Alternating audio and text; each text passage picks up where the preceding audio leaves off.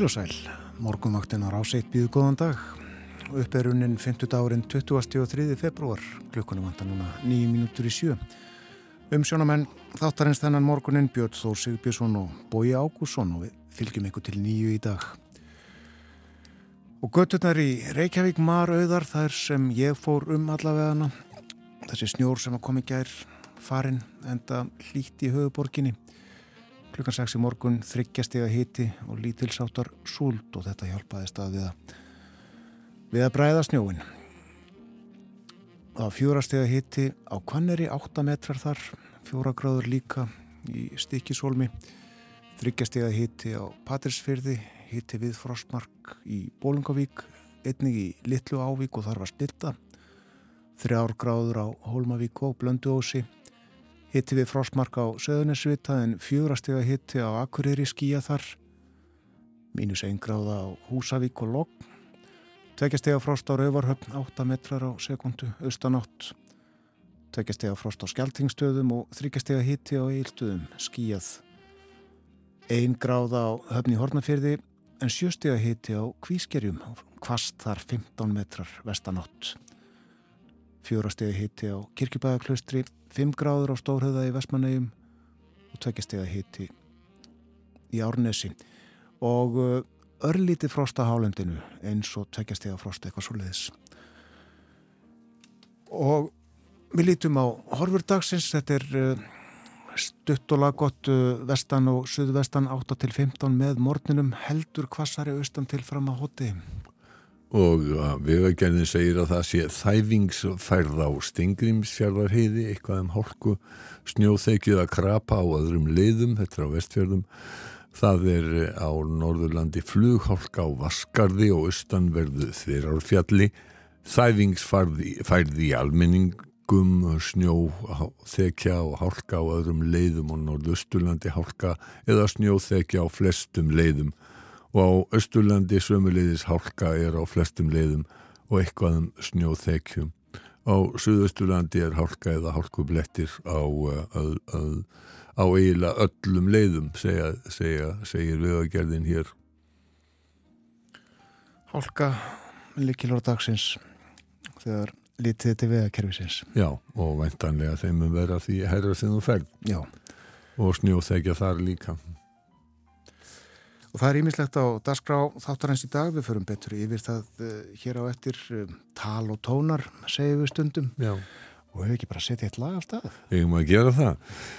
Bandaríski saxofónleikarinn Stan Getz var 1951 í Svíþjóð og þar heyrði hann þekkt sænst þjóðlag Akk Vermland úr sjöuna og blés það inn á plötu á samt hljómsveit sem kallu var Svítis All Stars Í sænska ljóðunni er Vermeland sem er við norsku landamærin í miðsvíþjóð lofsungið og sagt helst að djást svíþjóðar.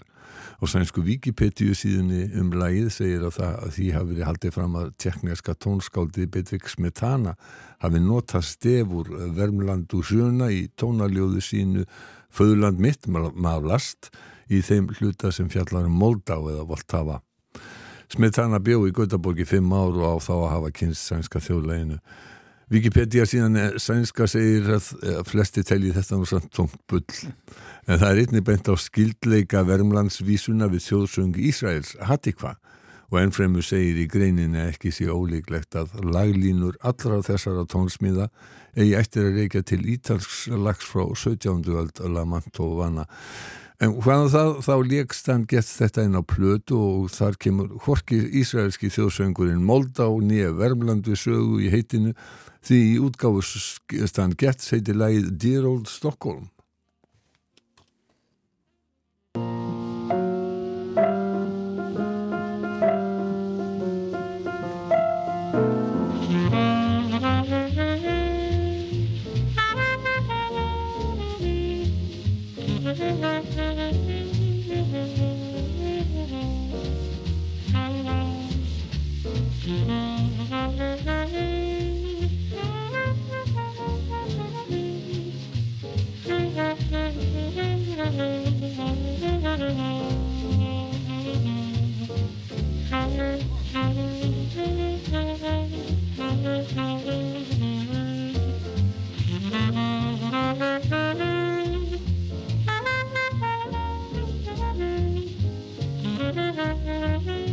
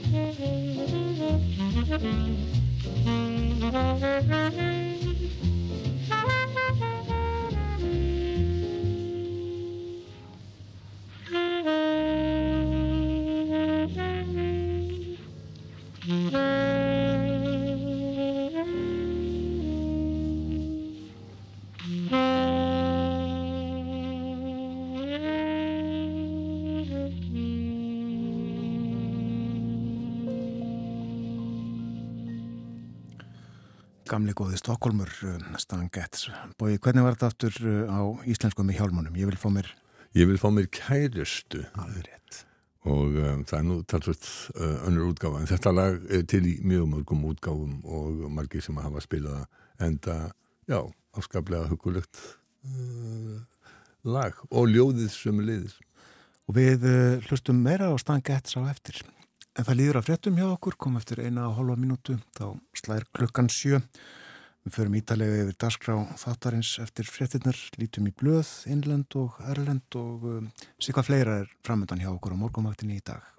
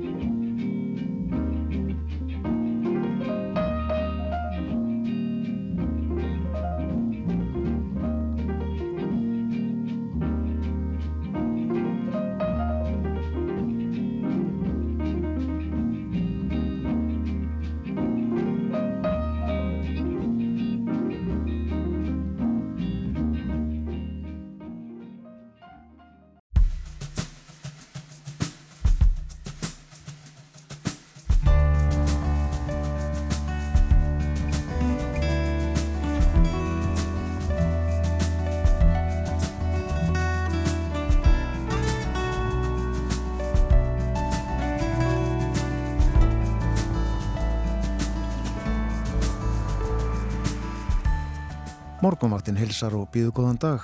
Það er 50 dagur 23. februar.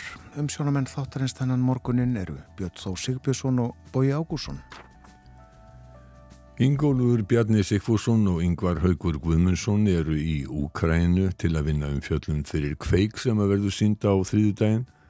Á morgun er ár frá því að rúsneskur hér riðist inn í Úkrænu og styrjöldin í þeirri mynd sem við þekkjum hana núna hófst með gríðarlegu mannfalli, stríðskleipum, ógnarverkum sem að lang flest hafa verið á ábyrð rúsa. Við heyrim Ingólu Bjarnar eftir fjötta yfirlitt klukkan hálf átta. Fáir treysta borgarstjórn Reykjavíkur sangað nýri aðtöðum Gallup. Trausti til borgarstjórnar er 13% og það hefur minga talsvert síðan í fyrra. Og hvernig ætli standinu á þessu litla trausti? Við spyrjum sjálfan fórsetta borgarstjórnar Þórdísi Lóðu Þórhaldsdóttur, hún verður hjá okkur eftir morgunfréttinar klukkan 8. Lísabeth Guðmundsdóttir forlegafræðingur hefur rannsakað skipakost norrætna manna á Grænlandi og rannsóknir hennar benda til þess að skip hafi verið norrænum mönnum þar mjög mikilvæg, algjör lífsnöðsinn. Og annað sem að hún hefur komið staði er að norrænu grænlendingarnir hafi alla tíð meðan að byggð þeirra varði á Grænlandi verið sjálfum sér nógirum við til skipasmíða og kemur kannski dáltið óvart því að skóar finnast nú ekki miklir á Grænlandi. Þetta heyrum við þegar við ræðum við Elisabeth á eftir klukkan hálf nýju. Fjölbjörtur þáttur hjá okkur á morgunvaktinni þennan morgunin en um, hvernig ætli viðri í dag? Við höfum yfir hugleðinga veðfræðings Vestlæg átt í dag víða strekkingur, skúrir í flestum landslutum, sumstaðar slittuél eða jél um norðanvert landið en það verður þurft suðaustanlands og fremur mildi veðri hitti 2-7 stig. En uh, þetta breytist aðeins í kvöld, þá varður hægari norrlæg átt, það stýttir upp og fristir, en verður þá yfirleitt frostlust með suðuströndinni. Og á morgun förstu dag, þá er gert ráð fyrir, ráð fyrir hægri suðlæri átt og það mun hlína aftur. Þetta gerist fyrst vestan til á landinu með rigningu á köplum á þeim slóðum. En gengur svo í sunnan kvassviðri með samfeldari rigningu seint annað kvöld slæri jafnvel í storm á stöku stað aðra nótt en hægari vindur verður orkomi lítið um austanvertlandið.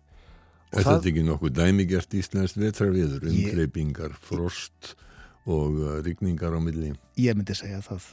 Það hlýna sem sagt uh, svona eftir því sem líður á daginn í dag, uh, kólnar í, í kvöld fristir og svo hlýnar aftur á morgun. Já, þetta er dæmigert við að segja þetta áður. Já. En það er varað við hálku á vegum? Já, það, vegagerðin segir það að það sé flughálka á, í, á kjósaskarði, þæfingar, þæfingur er á Bláfjallavegi og krabi á Krísuvíkuvegi og þetta gildir um flesta vegi landsins að það sé mikil hálka, til dæmis flughálka í Bröttubrekku og uh, það sé þannig að fólk er beðum að fara varlega uh, talsvöldum bróthólur á vegum í dölunum og vegfærandu beinum að fara með gát, þæfingsfæla og stingrimsfjörðarheiði, flughálka í þorskafyrði og á innstrandarvegi, ófært á dinjandisheiði.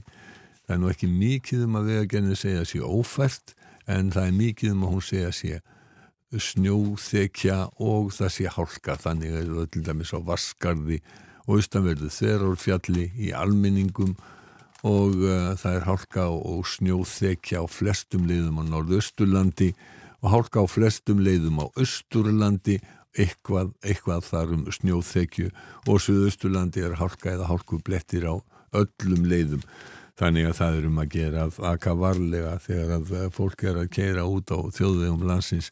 Það var hins vegar nokkuð þokkalega góð færði í höfuborginni og engin hálka þegar við Björn Þór vorum á liðinni vinnuna á sjönda tímanum, hann á sjötta tímanum.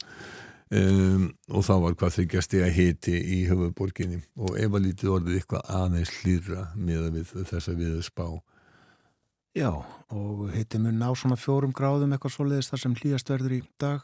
Sjöstiða hitti reyndar á kvískerjum einhvern tíman upp úr hátteginu eitthvað svoleiðis. Og að því að við erum að tala um hittan hittin verður svo upp undir tíu stygg sem staður um helgina En við lítum í blöðin, byrjum á uh, morgunblöðinu og utanum það er kápa það sem á vakinir aðtekli á því að bókamarkaðurinn er að hefjast í laugadalnum í dag. Þetta sá ég í gerkvöld þegar ég var að horfa á Egil Helgason. Það komið róast vegna þess að ég hafði ekki séð þetta auðlist en hann hafði á samt viðmælandi sínum gert ferði á bókamarkaðin sem er að venju undir stúku lögadarshallarinnar í Reykjavík. Vallarins? Vallarins fyrir ekki, já. Og uh, þar uh, höfðu þau gert góð yngveip eins og gætnan er hægt að gera á bókamarkanum. Já. Hefur það komið fyrir þig Björn að koma heim með bók sem þú átti fyrir? það hefur gæst, já. það hefur nefnilega gæst. Og bók eftir Þórarin Eldjón. Aldjarn um, um uh, barónin og kvítársíðu. En ég er búin að glata báðum eintökunum. Þú verður að fara á bókamarkaðinu og aðtóa hvort þú getur ekki fengið þrýðja eintakki. Sjálfsagt og eðlitt að eiga fleiri neitt eintakka bókum þóraðins. Það er alveg rétt. En það er opið til nýju á kvöldin, bókamarkaðinu. Það gera það góð kaup. En uh, fjallaðum uh, samþygt fyrirtækja í samtökum matvinnulífsins á að setja verkbann á eblingarfólk. Uh, Þetta lág ljóst fyrir setnipartin í gær og þeir eru ábúðað fullir hér á forsýðumyndinni Haldur Benjamin Þorbergsson, frangatastjóri samtaka atvinnlífsins og Ejólur Árni Rapsson, formaður samtakana. Og uh, þetta mun hefjast uh, eftir viku, annan mars.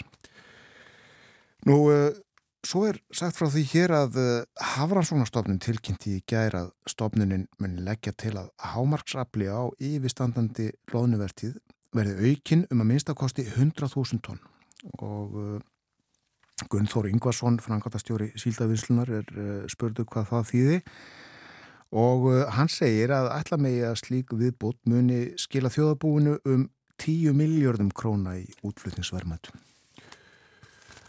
Fréttablaðið ræður á fórsíðu við Jón Kaldal sem er talsmaður íslenska náttúruverndarsjóðsins. Það verður að ræða hér um fiskdauða í fiskeldi. Afföllin í fiskeldinu á Íslandi voru um 19% á síðast ári sem er nærri 27% meira en gerist í norsku sjókvíaldi og uh, Jón Kaldal segir dæmið um að einn af hverjum þremur eldislöksum í sjókvíum hér við land hafi drepist í vetrarveðrum fyrir vestan í janúar og februar í fyrra og þetta er líka borðið undir uh, Jens Gardar Helgason, hann er aðstóðarforstjóri Laxa sem er Laxeldis fyrirtæki og uh, hann segir þetta er aðtunugrein sem er að læra.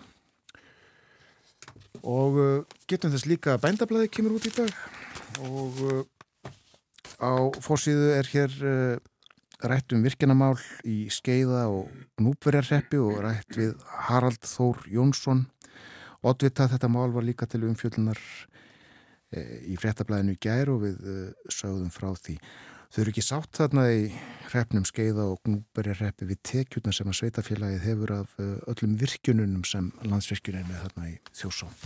Þetta er nokkuð, já þetta er ekki einstæmi að heimamenn séu ekki ánæðan með uh, tekjur sem að hafa af stórum atvinnufyrirtækjum sem eru staðsett í, í þeirra heimabygg og vilja gætnan fá aðeins meira af tekjum frá þessum stóru fyrirtækjum. Akkurat.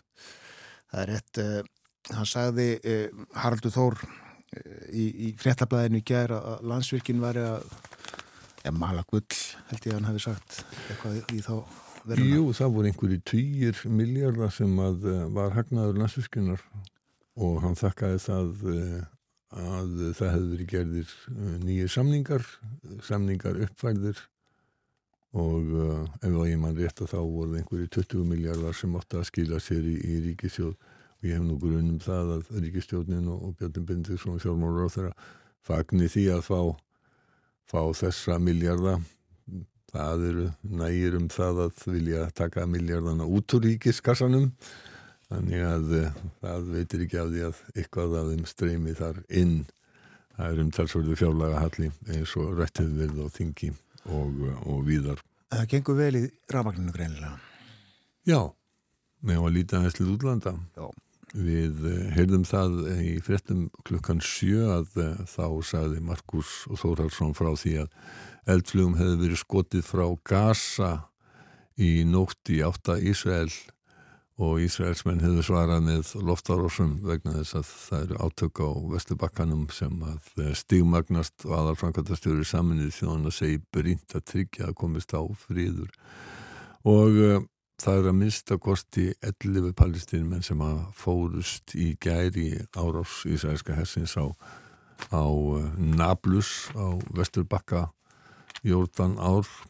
Í gæri og 80 sælðust að því að palestinmenn sjálfi segja og Jerusalem Post segir á þessum modni að eh, Ísraels menn þeir eh, búið sér nú undir frekari árásir af hálfu palestinumanna og þeir segja raunar að 100 palestinumenn hafi sæst í þessari í þessu áhlaupi eins og það er orðað í Jerusalem Post á uh, Nablus á Vesturbakkanum og tíu hafi látist þar.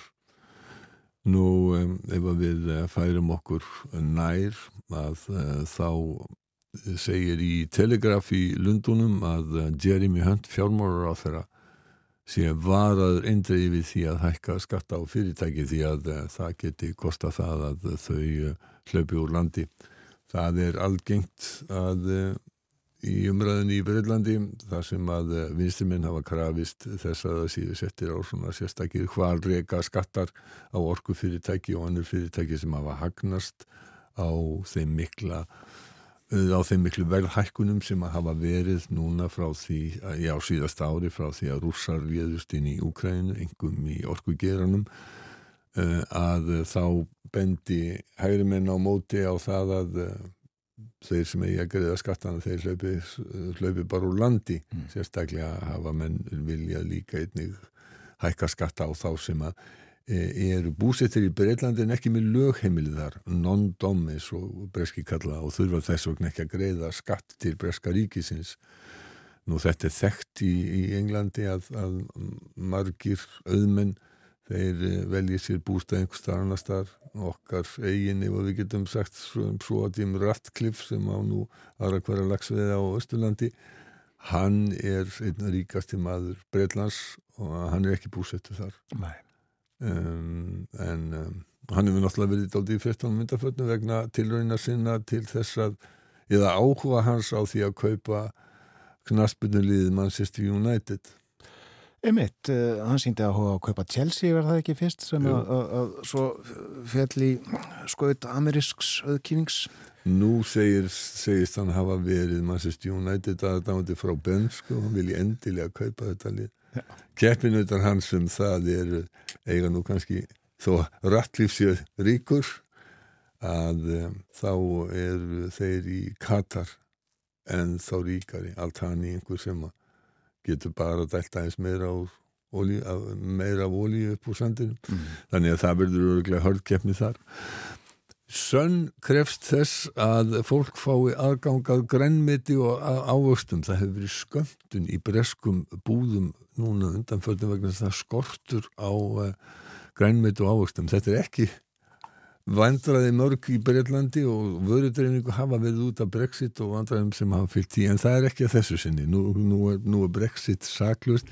Þetta er aðalega veðrið á Spáni og Marokko og uh, hátt orkuverðir sagt og uh, það er bara hrein skömmtun og í, í gær uh, metroblæði segi til dæmis frá því að vestlunarstjóri í Lidl, vestlunarkeðunni hafi stöðvað konu sem var með hundrað gúrkur í körfinni hjá sér Hvað segir?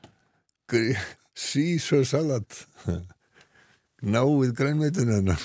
Það er fjór í Svíþjóð um, þá eru sænsk blöð núna uppfulla því að Mats Löfing einn aðeisti lauruglumadur Svíþjóðar um, sem var aðstóðar ríkislauruglustjóri og í tvígang hefur verið lauruglustjóri í Stokkólmi fannst látin heima hjá sér í gerkvöld og uh, það, eh, hann er rétt rúmlega 60, hann var búin að standa í ymsum málum, ég manni þegar Kári Gilvarsson fjallaði um þetta í speiklinum fyrir einhverjum vikum. Það eh, var eh, grunur um að hann hefði hyglað eh, konu sem hann stóð í ástasambandi við Lindu Straff í embættisveitingum innan lauruglunar og þetta er mikið eh, rætt um þetta í sænsku pressunni á þessum mótni. Í, í, í Danmörku í pólitíkinu þá er það haft eftir Martin Böðskof aðstóðar, nei, atvinnum ráð þeirra að eh, það gangi ekki að utangarsfólk hafi ekki bankareikninga það voru fréttir um þetta fyrir nokkrum dögum í Danmörku og politíkinn fjallaði um það að, að e, það væri mjög algengt að, að fólk sem er já, utangars í samfélaginu það hefði enga möguleika að fá bankareikninga og nú vil Martin Böðskóf sem er uh, jafnaðamaður í ríkistjórninni, hann vil taka það, uh, þetta mál upp og gera það þannig að uh, fólk, gera fólki sem er utangars mögulegt á að fá bankareikninga. Við myndumst á Stokkólm tilviljun riði því að við uh, leikum Der Old Stokkólm hér fyrir fréttnar klukkan 7. Já, við uh, vorum svona með Stan Getz aðeins í, undir hér og sem sagt eh, rétt fyrir átta þegar Stan Getz var að spila senst þjóðlag sem hann kallaði Dear Old Stockholm en heiti nú uppaflega Vermlandsvísan eða og, og dásamar Vermland sem er á landamærum Noregs og Svíþjóðar. En þekktasta lægið sem að Stan Getz hefur komið að vera líklega stúlkan frá Ipanema sem er líst sem Bossa Nova jazzlægi Lægi kom út eh, 1964 á briðskífu sem heitir Getz Gilberto en þetta er samstagsverkefni Stan Getz og Joao Gilberto. Uh, Joao syngur á portugalsku í læginu og Astrud Gilberto, eiginkona hans, syngur á ennsku. Stan Getz, hann blæs í tenorsaxafónin. Þetta er algjör klassikbjörn. Við skulum uh, hlusta á uh, Stan Getz, Joao Gilberto og konu hans í stúlkunni frá Ipanema Olha que coisa mais linda, mais cheia de graça. Ela, menina que vem e que passa, num doce balanço, caminho do mar. Moça do corpo dourado do sol de Ipanema, o seu balançado é mais que um poema, é a coisa mais linda que eu já vi passar. Ah, porque estou tão sozinho. Ah, porque tudo é tão triste. A beleza que existe, a beleza que não é só minha, que também passa sozinha. Ah, se ela soubesse que quando ela passa, o mundo sorrindo se enche de graça e fica mais lindo por causa do amor.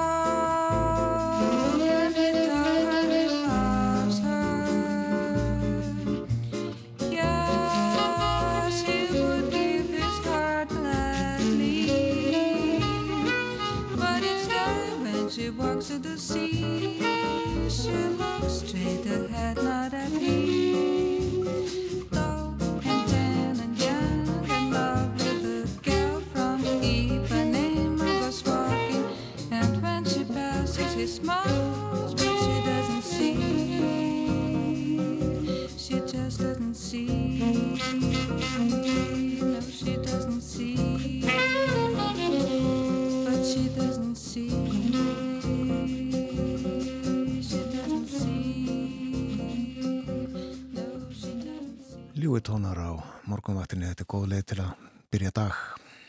Vissulega, Stan Getz og sjó á Silbertu. Það líður að frettaðifliti kemur eftir fjóra mínútur við fáum fyrst auglýsingar og eftir frettaðiflitið stríðið í Ukrænum.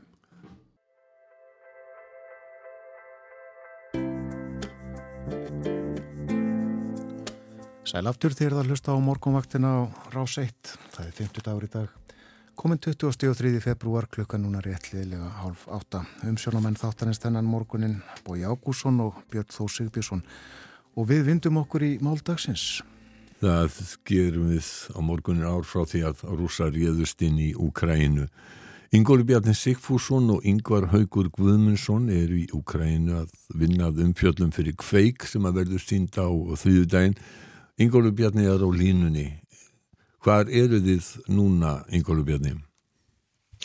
Núna erum við í kænugarði og afskarpalega björtum og fallegum degi. Það er, uh, þeir segja mér hér að þetta sé nú reyndar uh, algjörlega út úr kúveðrið. Hér ætti alltaf að vera á kafi í snjó en, en veðrið er eiginlega eitt af því sem hefur lagst með úkrænumönnum við vittur. Þetta hefur verið víðast hvar óvenju mild sem hefur náttúrulega skipt sköpum þegar að rafmagn og, og vatn og hitti eru af skórn hafa verið á skórnu skamti við það. Þannig að vetturinn er mildur og það er að komast í gegnum þetta.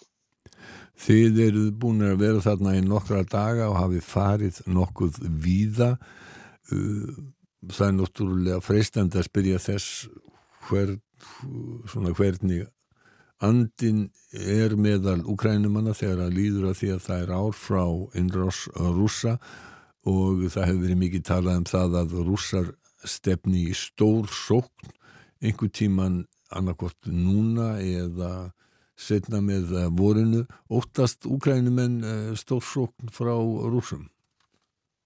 Það, er, það eru eiginlega allir á sömur línunni hvert sem maður fer í það minnsta svona í upphafi samtals. Það er að segja við berjast áfram, við erum að berjast fyrir tilveru okkar, við þurfum við vopn, við tristum á herin okkar og kannski einhverju tilvíkum aðri máttarvöld og uh, að lókum höfum við betur vegna þess að annað kemur ekki til greina. Svo þurfum að kroppar þá skinnja maður auðvitað uh, að fólk er eftir he heilt ára þessu er náttúrulega bara streyta og ótti og alveg meðvitund um það sem gæti gerst. En líka kannski ákveðin ef um að rússar hafi getu og færni til þess að gera það sem að maður skinnjar í það minnst að Vladimir Putin hafi áhuga á að gera. Auðvitað horfa menn til þess hvernig hernum þeirra hefur gengið undan farin ár. Þegar við vorum hérna fyrir réttu ári í Kív og, og, og stríðið hófst já, þá heldur menn einfallega að þessi borg er bara nánast komin í eigði þremi fjórundugum síðar, uh, búið að reyðja stjórnvöldum frá með góðuð illu og búið að koma á einhvers konar leppstjórn og algjöru valdi. Það gekk alltilis ekki eftir og, og, og uh, flumbrugangur rúsa í þessu stríði hefur eiginlega verið ótrúlegur og, og maður finnur að fólk hengi sér svolítið í það. Það getur vel verið að rússar vilji en ég held að þeir get ekki. Og svo hvort kemur auðvitað í ljós á morgun hvort að þetta verður dagur sem er ákveð að reyna að sína fram á þeir geti eitthvað annað eða ekki. Þeir rússar hafa kvart út 100.000 manna, 300.000 mann sem að tala um að hefðu verið kvart í herin fyrir, já, sent á síðasta ári. Og spurning hvort að búið er að þjálfa þetta lið uh, núna. En uh, það virðist sem að rússum sé þörf á miklu mannskap því að þeirra hernaðaraferð virðist að mörguleiti svipuð og þeir beittu í síðari heimstyrjöldinni þeir öttu miklu mannskap fram gegn velbissum og stórskota liði anstæðingana og virtist sem að þeir skeittu lít um mannfall í eigin, eigin liði. Er þetta svipað þarna núna? Já, uh, þetta er það sem að það er lýsingar sem maður fær frá fólki sem hefur verið þarna alveg á výluninu og í skotgrófunum. Uh, það, það uh, fólk sem ég hef talað við sem hefur verið þar er, er óneitanlega dálítið traumatiserið eftir þá upplifun. Rússar hafa eins og réttilega segir verið að kalla til fleiri í herin og ef maður kíkir á tölur um mannfall meðal rússa og það er nú svolítið reiki þá er talað um þetta sé svona kannski upp undir 200.000 sem hafa fallið eða særst í átökunum og jafnvel að mannfallis komi vel á annað 100.000. Það er ótrúlegt þegar að hortið til þess að það er talið að um 120.000 manns hafi verið við tilbúin til að taka þátt í stríðinu. 120.000 hermenn hafi verið, hérna fyrir árið tilbúinir að ráðast inn. Þannig að mannfallið sé kannski eftir ár orðið meira heldur en nemur þeim hersetum sem voru tilbúinar til innrásar. Uh, við vitum að uh, alls konar uh, svona einhverjar málaliðasveitir eins og Vagnersveitirnar og fleiri hafa verið að sækja fanga og aðra uh, og einhverja svona saklusa pilda í, og þeim er einfallega aft á fóraðið eins og hverju öðru fallbissufóðri. Lýsingarnar uh, frá já, þeim sem hafa verið í grammatorski eða farið jafnvel ennþá nær uh, þær eru bara þannig að, að á svona nokkur neginn fjögra tíma fresti komi bylgja hermana Úgrænumenn mæti þeim af krafti með, með jafnvel með ansi öflugum vopnum. 70% af þeim sem að rúsarnir sendast að falli hinnir hörfi og mæti fjórun tímun síðar í næstu bylgju og þurfi þá hreinlega að vaða yfir lík félaga sinna til þess að komast að stað. Og svona gangi þetta fyrir sig og hafi gengið núna fyrir sig sko vikum saman og mann getur bara ímyndað sér hvernig ástandið er þarna og hvernig, hvernig fólk er orðið í, í kollinum sem er á þessum slóðum. Og hversu líklegt þetta er til þess að skila fólki einhverja því að eins og Jón Björgursson síndi í kvöldfréttum sjómansins í gær þá hefur výlínan svo sem ekki færst nema um einhverja metra til það frá í já að herrans tíð. Þannig að þetta mikla mannfall er kannski ekki að skila neinu nema þá kannski helst í að það gringar á vopnaburðum úkrænumanna og kannski er það tilgangurinn Þú varst að minnast á Vagnarhópin sem að e, já, svona, sem eru málaliða sem að rúsneska stjórnin hefur beitt fyrir sig á undanförnum árum víða í Afríku, í Sýrlandi og fer afskaplega slemt orðaf þeim. Og nú er hafa hins vegar verið að berast frektir frá Rúslandi að leiðtói Vagnarhópsins hafi verið að lýsa yfir að þeir fá ekki nægilega mikið af skotfærum, skotfærum vopnum og skotfærum virðist mönnum sem að það sé komin upp hugsanlega einhver klopningur á milli stjórnvalda og uh, vagnarhópsins. En alltaf fréttir frá Moskvu eru svona uh, takmarkaðar og kannski jafnvel hæfnar, maður veit ekki alltaf hvað er satt og rétt, en það er svo sem verið talað um það frá því fyrir jóla, það sé uh, svona ekki gott á milli hefðbundna hersins og, og leiðtóa hans, hersöðingjana og, og þeirra hjá Vagnarhóknum sem að hafa kannski minni áhyggjur af, af eh, einhverju gókunaröð og því sem að menn leggja áherslu á hefðbundum herjum og þarna hafi stundum slegið í brínu. Eh, kokkur Pútins eins og hann hefur verið kallaður svo sem að á í raun og veru þennan Vagnarhóp, hann hefur verið ófeimin við að uh, hrauna yfir hersöðingja bæði þá sem að stýra aðgerðum í Moskú og þá sem eru hérna niður frá í skotgrófunum og segja þá bara reyna að fá þetta sem ekkert geti. Það er svo sem kannski ekki, hvort sem það er í, svona ástandi eða annar stað, er líklegt til þess að uh, bæta samskipti og, og, og samvinnu, en það er öruglega heldur ekki til þess að auka líkur á sigri eða, eða árangur í rúsamegin þegar að ef, að ef það er í alvörun orðið þannig að þarna séu sveitir sem eigi að vinna saman en, en uh, getur það einfallega ekki. Nú hefur verið talað um það að uh, samband Pútins við yfirmann Vagnarsveitana Jevgeni Prigozhin hafi verið óvinni gott að tala um það að hann hefur verið kokkur Pútins og því hann átti veitingahús sem að Pútin eldaði mikið á þannig að menn viti ekkert hvort að það samband er ekki með þeim hætti sem það var núna eins og það var áður Nei, Putin hefur svo sem löngum verið þekktur fyrir að vera uh, alveg sáttur við að, svona, að, að hans nánustu séu í að berjast um aðtikli aðaleg, hægt er orðað þannig að menn leggir sér í líma við að koma sér í mjúkin hjá honum og það hugsanlega með því að uh, berjast nánast hverjir við aðra og hugsanlega er þetta einhvers konar hluti af þeirri, þeirri nálgunans uh, að samanskapi uh, velta menn því náttúrulega hvort að príkursin getur hreinlega verið orðið ókn við Pútín eða hvort að óanæga hersins getur leitt til þess að hérinn sem væri kannski eina aflið sem að gæti steift Pútín á stóli, hvort að herin fái einfallega nóg og, og komunum frá. Ég var að lesa viðtal við ræðuhöfund, fyrfirandi ræðuhöfund öllu heldur Pútins í morgun sem að Deutsche Welle tók við hann. Hann sagði herin einfallega það laskaðan eftir stríðið og, og, og, og þetta gengi í stríðinu þar sem hafi þessu fyrsta ári er að hann hafi einfallega ekki burði til þess að mögla neitt eða að reyna að efna til valdaráns eða slíks. Þannig að uh, Pútín siti allavega örugur og, og, og þurfum ekki að hafa á, miklar áhyggjur af neinum, heldur ekki að Katjurov frá Tjetjeníu sem líka hefur verið svona látið dólkslega og verið með djarvar yfirlýsingar.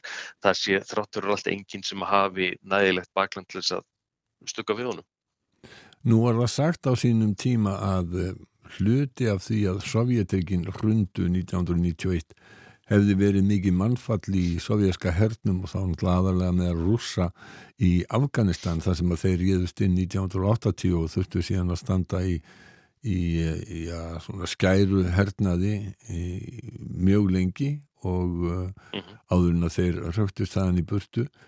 Það er engin merki sem, sagt, sem að þú sérði að þið hafið hirt talað um að þetta stríð sem að hefur staði núna í ár að það hafi sé að grafa undan stjórnvöldum í Kreml? Ég með við frétti frá Moskvu ekki og það er aðeinslega að spurja menn hér einmitt þessara spurningar. Hvað sjáu þið? Þetta eru ykkar frændur, þetta eru ykkar nágrannar, eh, þið skiljið á kannski betur og eru jáfnvel með betri heimildamenn í Moskvu og þess vegna innan Kremlarmúra heldur um margur annar og menn svona halvi yfta aukslum. Eh, uglust hafa þær einhverjar heimildur og einhverjar hugmynd en, en vilja einfall ekki ræða og segja bara það sem að okkur snýr er okkar land og okkar baráta, okkar tilvist og okkar frelsi og okkar landamæri og það hvað gengur á í Kreml og hvort að uh, Pútín er að hugsa þetta eða hitt skiptir okkur raun og veru bara engum máli. Það kemur þessu bara ekkit við. Á sama tíma leggja þær áherslu á að þó að baráta þeirra snúist um tilveru Úkrænu og Úkrænu manna þá séu þeir líka að berjast fyrir okkur hinn, að berjast fyrir já, við kallum það þá heimsmynd eh, sem að Vesturlönd tælja sig að mista kosti standa fyrir. Uh, Hinnum einn síðu þá Pútín með sína uh, sérkennlu heims og sögu sín og þess vegna kannski virðist manni með við vin, vinsælega samskipti kýmverskar ráðamanna og yfirlýsingar í Moskvu undanfarta kýmverjar og, og þess vegna indverjar alveg til í að halda því opnuð að, að svona pólitík frekakalsins gæti verið eitthvað sem þeir hefði ekkit á móti. Nú heldur fyrir vikunni bæði Putin og uh, Joe Biden bandaríkjafósiti ræður uh, Putin fyrir saminuðu þingi og þar voru einhverja þúsundir manna sem að það var nú ekki mikil mikið af andásfólki í hófnum það var klappað þar, var gott fyrir honum í hvaða tvekja, tvekja hálfstíma ræðu. Sem ég segja að eh, ræðunni hafi að lang mestu leiti verið beint inn á við til rússa sjálfra. Það hafi verið skilabóðjú til vestrætna þjóða. En eh, mestum hluta ræðunar hafi hann valið, varið til þess að já, stappa stáli í þjóðina heimafyrir uh, Joe Biden hann ítrekkaði margóft og hefur í þessari Evrópa heimsóksinni ítrekkað margóft að bandaríkinn standi þjætt að baki úkrænumönnum og uh, í gæra þá á fundi með uh, NATO-ríkjum uh, sem er í Östur-Evrópu að þá lagði hann líka áherslu á það að bandaríkjaman þeir ætla að virða alla sína skuldbindingar við, við allarsvarsbandalagið sínist ég að eitthvað í þessum ræðum hafi breytt stöðunni? Það vilðast engin, engin orða það, þann möguleika að uh, setjast niður og reyna að semja frið Dimitri Kulebæ uh, sagði í morgun auðverkisrað þegar Ukrænu að hann hefði átt um eitt fund með auðverkisrað þegar Kína áður en svo kýmverski held svo til Moskvu og hefði fengið svona munlega einhver svona líkilatri í því sem að kýmverðar segist alltaf að kynna bráðlega á sig friðar, grunnur að friðarsamkúmulagi eða friðar umleitunum hér. Um, og Leik Nikolenko sem ég talaði við í gerð talsmaður Uttaríkisanandir sem sagði að Ukrænmenn vísa einfallega ekkert hvað staði í þessu plaggi. Uh, en þegar maður og þegar maður hor, horfir bæði og hlustar á, á, á Biden og, og, og Putin, að mér var nú eiginlega að hugsa til frasa sem ofta hefur verið nefndur í, í kostningabaratu í bandaríkinu sem er all politics is local. Uh, það er að segja, uh, vissulega er, er uh, Biden að tala svona á stóra alþjóðasviðinu og, og svona ítrykka að, að bandaríkjumenn alltaf standa vörðum já, það sem við getum kallað kannski heimsmynd sem að þeir eiga bara tölverðan hlut í, svona vestræna heimsmynd eftir setni heimstyrjöld og fall kannski mús eða, eða jártjalds.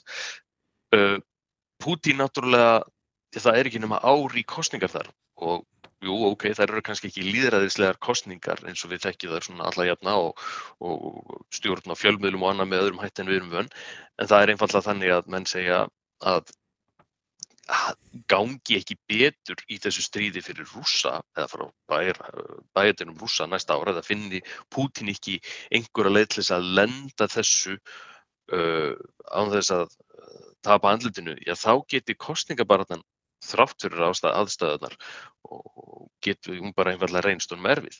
Hann sé ekkit unglamp, það sé öruglega einhverjir til í að taka við á honum og uh, ef að menn finni veikan blett á honum þá verði einhver til þess að reyna að notfæra sér það.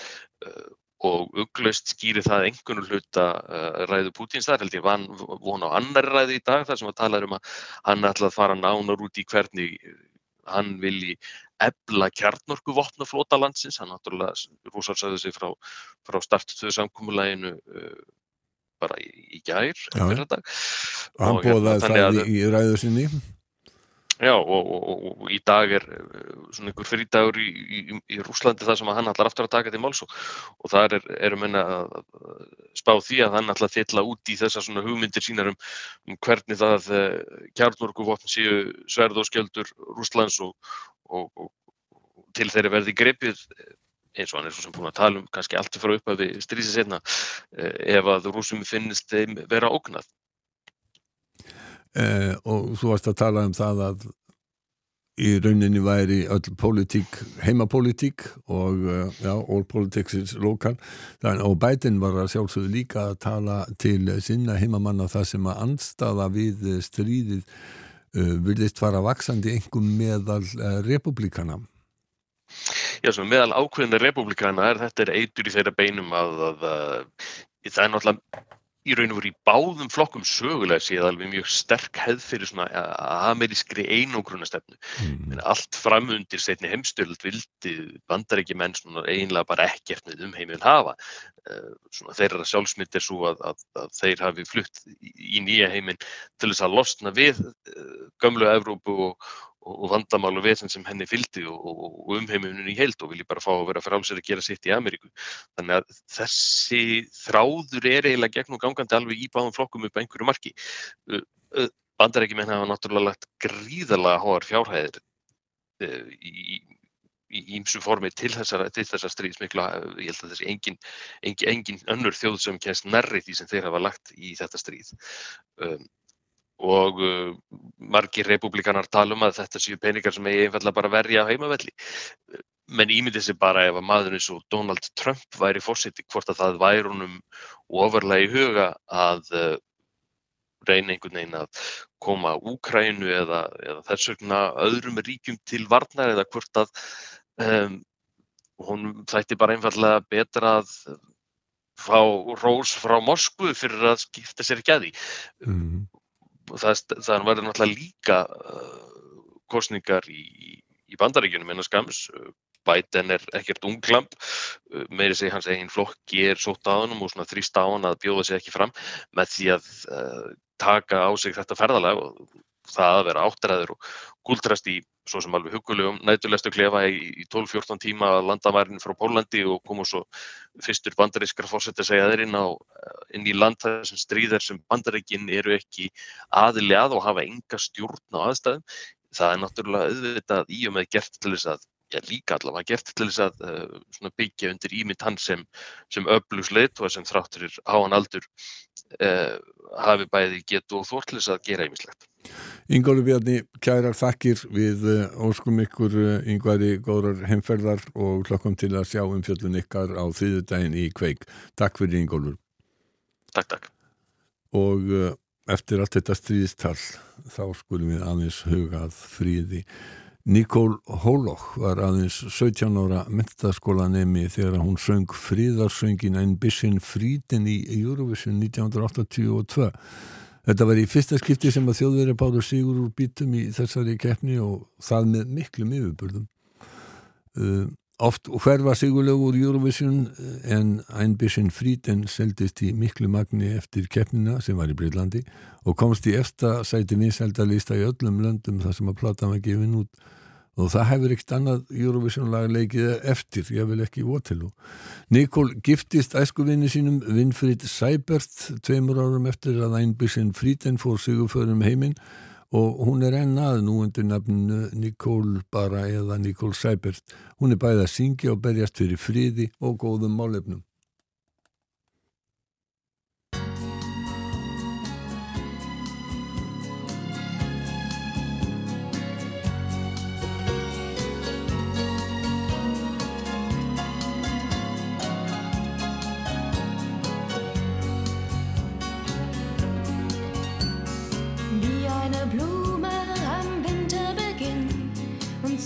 Ein Feuer im eisigen Wind.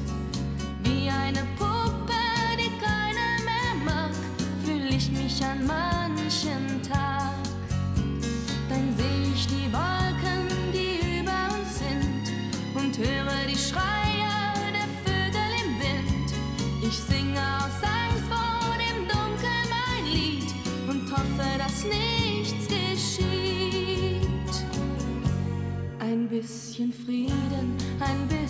Sonne für diese Erde, auf der wir wohnen. Ein bisschen Frieden, ein bisschen Freude, ein bisschen Wärme, das wünsche ich mir. Ein bisschen Frieden, ein bisschen Träumen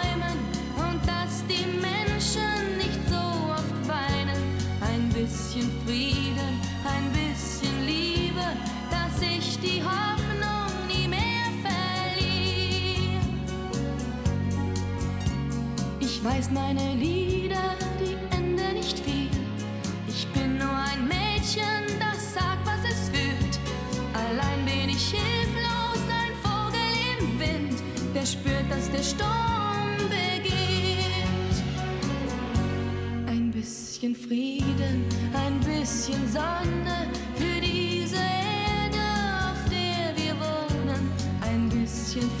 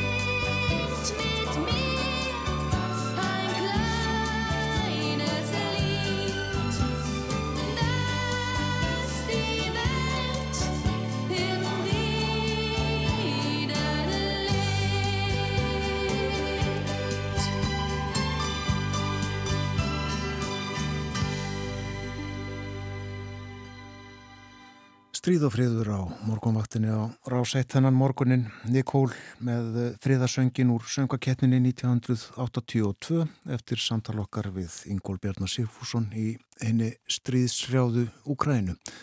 Framöndan eru fréttir, koma klokkan 8 eftir þær verður fórseti borgarstjórna með okkur.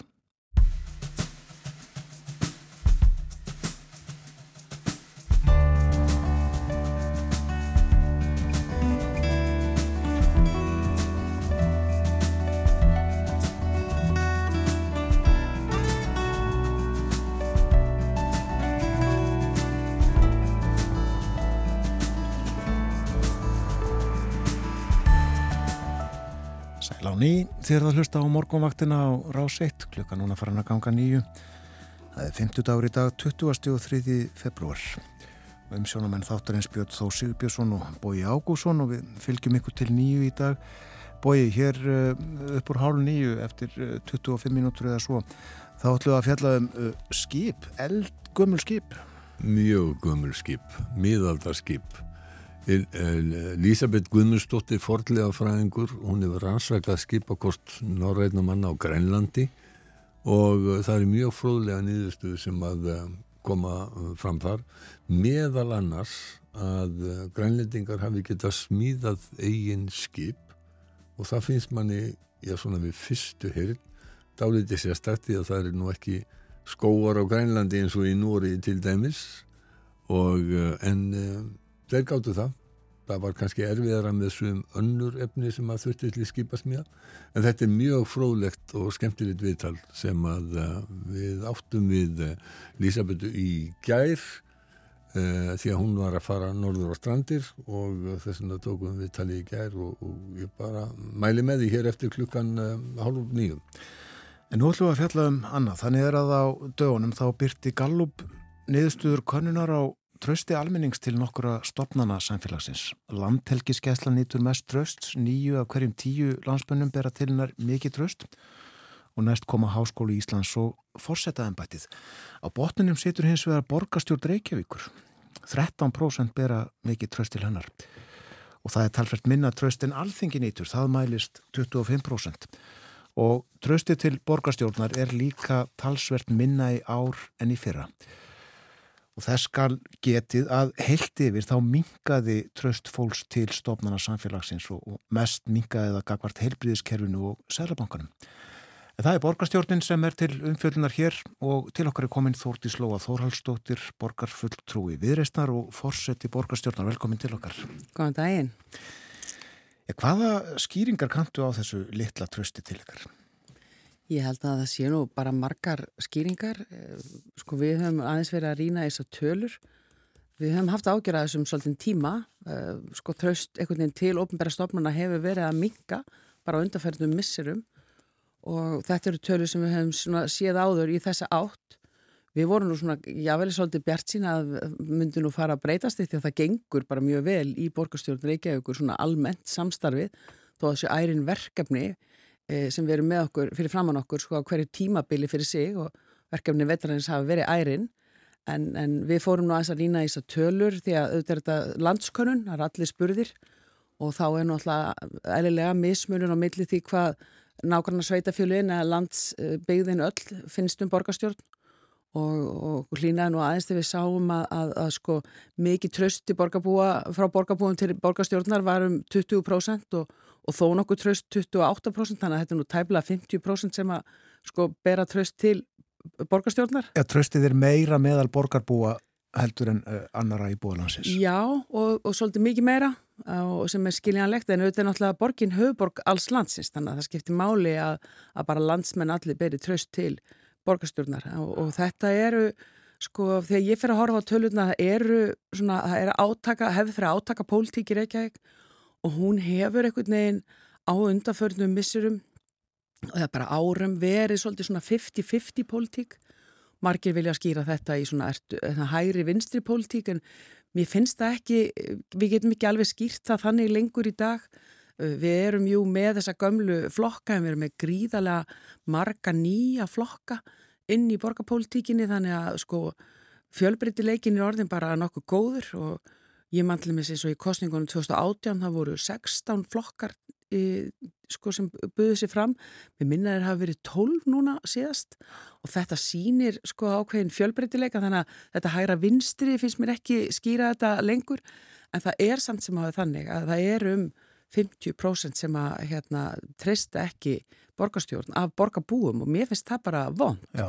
Við eigum að vera í sömu tölum bara og, og Háskóli Íslands og bara vel yfir, yfir 50-60%. Ja, þér finnst tröstið mikilvægt sem sagt. Já, mér, það er mikilvægt og það að því að þegar maður er að stýra stóri borg þá eru Það eru stanslusar áskorunir, það er bara að kemur alltaf eitthvað nýtt upp eftir COVID þegar við vorum svona komin, búin að svona lenda því og búin að gríðarlega áskorun með allt skólakerfið og leikskólakerfið og velferðarkerfið.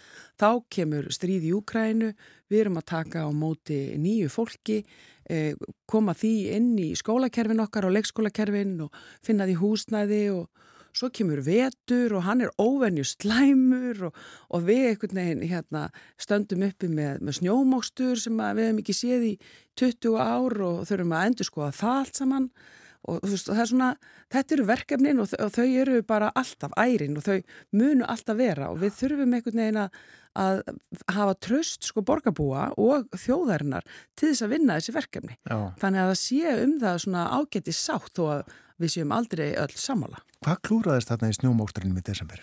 Komast að því. Núna í desember, ég get ekki sagt það sko en ég held að þarna hafi bara ímislegt farið, misfarið, spæði náttúrulega var ekki von á svona miklum snjó í svona eh, bara akkurat á þessum tíma. Ég held að áallanir þar hafi ekki staðist.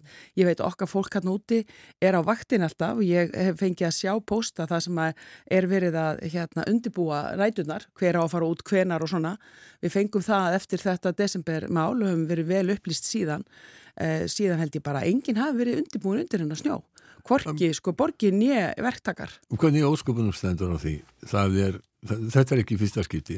Veturinn í fyrra var mjög snjóþungu líka allt, allt Og- árið 22 var bara mjög snjóþungt já og, og, og, og þá, þá gekk heldur ekki vel. Þá var vikum saman voru hryggir á, á götum og, og þá var líka kvarta mjög yfir þessu. já, Þannig að maður spyr sig eh, höfuborglands sem að liggur við heimskvöldsbög og þekkir snjó að fólk skul ekki vera undirbúin til snjómókstur.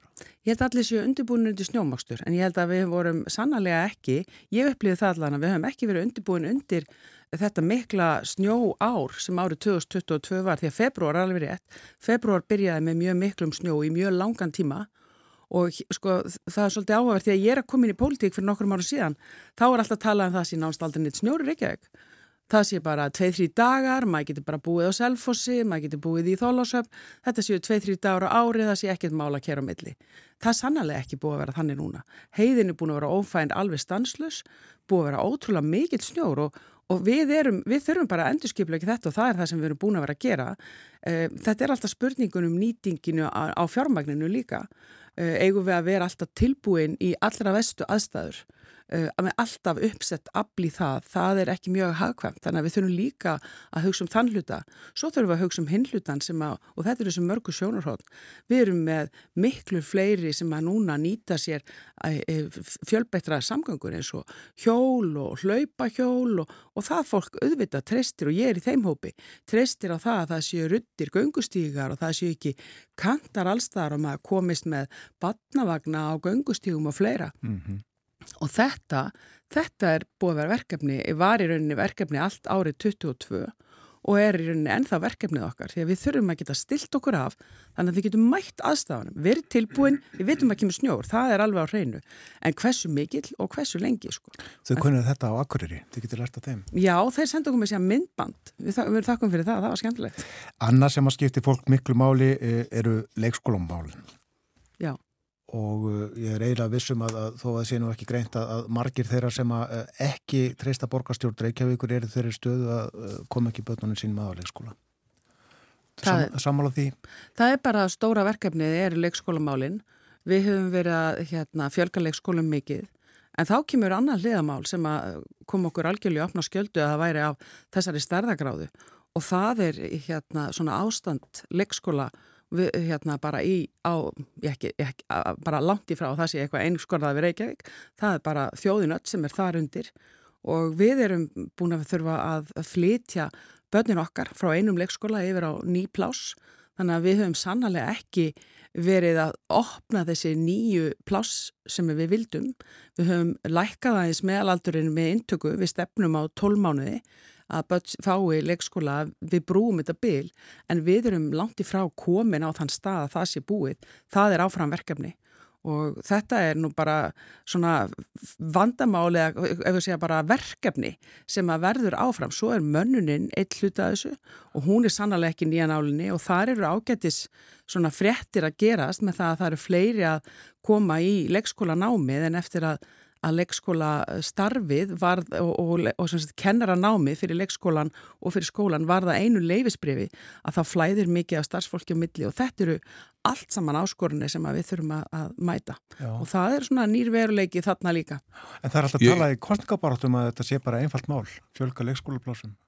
Já, ég hef reyndar aldrei talað þannig. Eh, Við höfum aldrei verið lofað 12 mánuðum, 1, 2 og bingo. Við vitum alveg að þetta er ongoing verkefni og til þess að mæta þessu að þá, þá kallar þetta á sko, nokkur þúsund ný leikskólaplás og við opnum 600 ný leikskólaplás á síðast ári.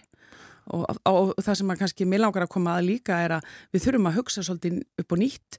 Hvernig, hvar leikskólar eru, við þurfum að hugsa fjölbreytt úrræði, við erum til dæmis núna að opna leikskólanir á Hallgeragötu sem er bara í íbúarhúsnæði þetta er ekkit nýtt. Í rauninni við gerum þetta upp í Asparfelli fyrir 40 árun síðan Þannig að við þurfum að, við þurfum að hugsa svona líka, ekki vera alltaf með leikskólalóðir staðar, þannig að þær eru miðsvæðis en, en standa bara sér og eru gríðarlega dýrar í framkvæmt. Við þurfum að vera miklu hreyfanlegri en það og mér finnst árið 22 sínd okkur það. Við erum að mæta fleiri hundri börnum frá öðrum löndum sem eru að koma hérna út af strísátökum og við þurfum að taka vel að móti þeim líka og þetta eru svona tölur sem fara upp og niður. Við vitum það að við myndum horfa til tíu ár tilbaka og þá þurfum við að vera miklu hreyfanlegri. Þannig að þetta Sko, er þess að verkefni. Þó til slú að hérna, eins og Björn voru að segja, það var mikið talað um þetta í eh, kostningabarastunni fyrir borgarstjórnum kostningarnar og uh, þó að þú segir að viðreist hafi ekki verið minni einn sérstök lofvorði í leikskólumálum þá ert þú hér sem uh, fórseti borgarstjórnar og borgarstjórn, meiri hluti borgarstjórnar lofaði verulegum úrbótum í þessum málum. Og ég veit það og svo talar við líka um það að sé stefnan að fækka bílum. Eh, en hvernig óskopunum er hægt að fækka bílum þegar að foreldrar þurfa að eh, eru kannski með tvö börn sem eru kort á sínum leikskólunum eitt í breyðholti annað í vesturbænum? Það er eh, vonlaust annað heldur en að sækja þessi börn og fara með þau á, á bíl.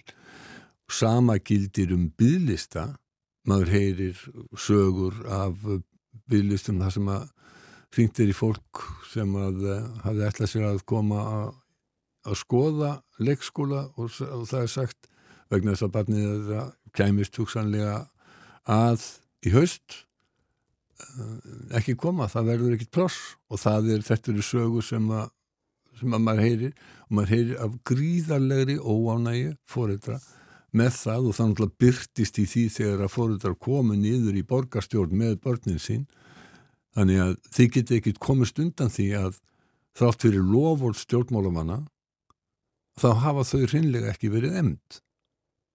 Sko þetta er nákvæmlega það sem að við erum með verkefnið fyrir framann okkur. Við fengum heimsókn í haust, já, eða í rauninni í su, síðsumas. Það fengum við heimsókn í, ráðusið frá foreldrum sem að einmitt uh, höfðu væntinga til þess að fá leikskóla plá strax og uh, þá fórum við í svona fjölbreyttar aðgerðir sem sneru bæði að því að, að fjölga þessum æfintýraborgum eins og við köllum sem eru meira reymanlegi leikskólar. Við e, gáum líka eftir og þetta var eitthvað sem við verðum að gera í samstarfi við fóreldra. Við gáum líka eftir að lóðirnar eru ekki tilbúnar þegar leikskólinn hæfist að því að það er líka svolítið vandamál þegar að við erum ofnber stofnun að við þurfum alltaf að fylgja hæstu stöðlum og en svona ef við hefðum alveg átt að vera á protokólinu þá hefðum við til dæmis ekki opnað e, nýju æfintýraborgina í nautól fyrir nokkrum mánuðum setna nema að því að það bara fóreldrar voru sammála því og til í það að börnin fengju bráða byrða útilegsvæði. Það er stór hluta þessu er bara að mæta í rauninni þessum miklu breytingum. Eh, sko, það, við, þetta verkefni er ekki að fara frá okkur. Það, þetta verkefni er eitt af stærsta verkefni sveitafélaga. Það er leikskólamálin á samt náttúrulega velferðamálunum og skólamálunum og auðvitað við að vera komið þangað að leikskólamáli sé í rauninni bara svona eins og skólamálin að foreldra geti tristi bara börnið er að fái leikskólapláss en við erum ekki komið ágað og við eigum bara þó nokkuð í land á að mæta því að við séum alveg að öll sveitafélag á landinu séu bara með tilbúið pláss. Það er aðeins mismunandi. Ég hef heyrt svona sögur eins og út að segja búi um að foreldra með tvö börn eru á, á, á sikkunum enda borgarinnar. Það er náttúrulega aldrei e, gott. Það er aldrei til frambúðar og ekki þannig sem það er stemt að gera. Það er verið að ræða einmitt sískina forgang inn á leikskóla. Þannig að, að börn sem að eru nú þegar sem að eiga sískinni sem er að koma inn, þau hafi forgang einmitt út af þessari svona samgöngu flækju að vera enda sendast hverfan á milli.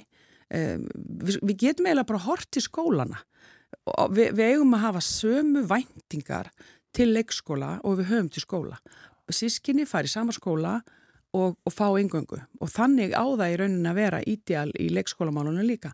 Það Nú- hefur nú- aldrei verið þar. Nú, nú Og við myndi ætlum- fórindi spyrja þig þóttið slóa þið eru það að ræða það af hverju er ekki verið að gera eitthvað En það er verið að gera það. Það er verið að setja miljarda í þessi verkefni að fjölga leikskólum á hverjum einasta ári með 600 leikskólaplás á síðasta ári eru staðreind, þau opnuðu, við erum að fara að opna fleiri hundru leikskólaplás á ári líka í ár, það er staðreind, það er verið að gera, það er bara, það er ekki nóg, við þurfum að halda áfram að gera, við þurfum að bregðast við þessum aðstæðum sem að eru húsnæðisvandin eh, og svona svo kvöldur rakavandamálin á gömlu leikskólum, á með það þarf að laga þá leikskóla, þetta er svona bara ákveði flæði sem þarf að vera, Eh, við þurfum að mæta gríðalegri fólksfjölgun í borginni, það er alltaf að tala um það að fólk sé að flýja, það er af og frá okkur að fjölga um nokkur þúsund manns á hver einsta ári. Þannig að allt, allt þetta, þessi, þessi mikla dýnamík, henni þarf að mæta. Við höfum ekki stoppa neitt fjármagn í þetta, þetta er eitt af forgangsmálunum hjá okkur Það er að sinna þessu af uh, lífi og sál og uh, við verðum að treysta því að þið gerir það. Uh, Stefna því að þú komir hérna eftir ár, sjáum hvernig tröstið já. hrefst þá. Við langar að spyrja þið hérna í lokum, að lokum eru þið búin að meta áhrifin sem að yfirvonandi verkfall og verkbann mun hafa á þjónustu borgarinn? Já, þetta er stóra verkefni sem við erum með núna í fanginu. Það er náttúrulega verið að skoða hvað áhrif þetta hefur á velferðamálinn hjá okkur, á heimaþjónustuna og heimahjúgrun og allt sem snýra að hjúgruna heimilunum okkar og þjónustu við falla fólk. Það er, þess, það er leigið yfir þessu því að það náttúrulega þarf undanþáur. Þetta er ekki bara það að, fólkið okkar sem er að starfa í ummunun uh, megi haldast í vinninu. Þetta snýst líka um aðfeng, að við komum aðfengum inn til uh, stofnanan okkar og heimilan okkar. Og það, þau eru ekki bara 2-3, þau hlaupa á tugum. Og ég held að sko ef ég maður rétt að þá eru, þá eru sólarringstofnanir uh, velferðasviðs tefla 100 þannig að þetta er ekki smá fjöldi. Og hérna vakt, þetta, vaktar uh, svo kvöldu neyðastjórn borgarinnar og hún er nú bara svolítið heit en þá eftir COVID þannig að það er svona við erum með kerfi og, og svona umgjör sem að hérna kikkar inn og, og borginu við staðið sér vel þarna og það er líklegt að það ekki að fáist undan þáur uh, í þessum velferðarmálum. jú, við heyrum ekki annað En og hvað með til dæmis leikskóluna þegar við hefum nefnt þá? Já, það er eitt að starfa? Já, við gerum ráð fyrir því. Eh, Ég er ekki með nýjustu frettir af þessu, þannig að hérna, en við höfum ekki fengið einan aðrar vísbendingar en það að, að, að þarna sko, vei- veitist undan þáur. En svo þurfum við öll bara að reyna átt okkur á því hvert umfangi verður og hvernig svona, já, þessi aðfangakeðja. Við skulum ekki gleyma því að fólk þarf að komast til og frá vinnu. Við þurfum að fá matasendingar, við þurfum að fá allan aðbúnað inn í hjúkurnaheimilinn og þessar þjónustuðningar og þær eru ekki með lager til margra mánada nú þegar. Þannig að, þannig að við þurfum að, þetta, þetta er verkefnið í dag og, og hérna við þurfum bara að meta þetta. Þetta er bara gert, eh, skulum við segja, klukkstund per klukkstund eftir því sem fréttir berast. Já. Þakkaði fyrir að koma til okkar í dag. Fór til slóa fórseti borgarstjórnar. Það stýttist í fréttaeflitið og uh, nefnum það afturbói að eftir fréttaeflitið þá ætlum við að tala um uh, Grænland og Grænlandinga til fornan. Já, við erum búin að nefna það á kynna en það er náttúrulega ekki allir sem að hafa hlustað alveg frá því fyrir klukkan 7 þegar við fórum í loftið en við höfum nefnt það og, og kynnum það með mikill í ánægi að við ætlum að ræða við og rættum raunar við í gær uh, Lísabeth, Lísabeth Guðmundsdóttir forleifafræðingur sem að uh, er uh, doktorsverkefni hennar að rannsaka skipakostna og rætna manna á Grænlandi. Mjög fróðleg uh, niðurstaða og mjög skemmtilegt viðtal þó ég segi sjálfur svo, ég er náttúrulega sérstakur áhuga maður um skip og báta og uh, Grænlund okkar færiðar og Grænland þannig að uh, ég vonast til að fleiri heldur en ég hafi gaman af þessu viðtali, ég er eiginlega alveg samfærður um það. Heyrum þetta á eftir.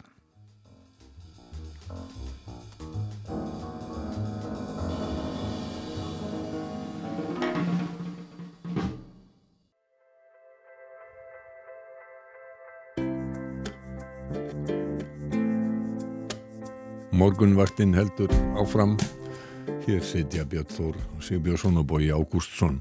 Við rættum í gær við Lísabeth Guðmundsdóttur, fordleifafræðing sem hefur ansakað skipakostn á reynamanna á Grænlandi.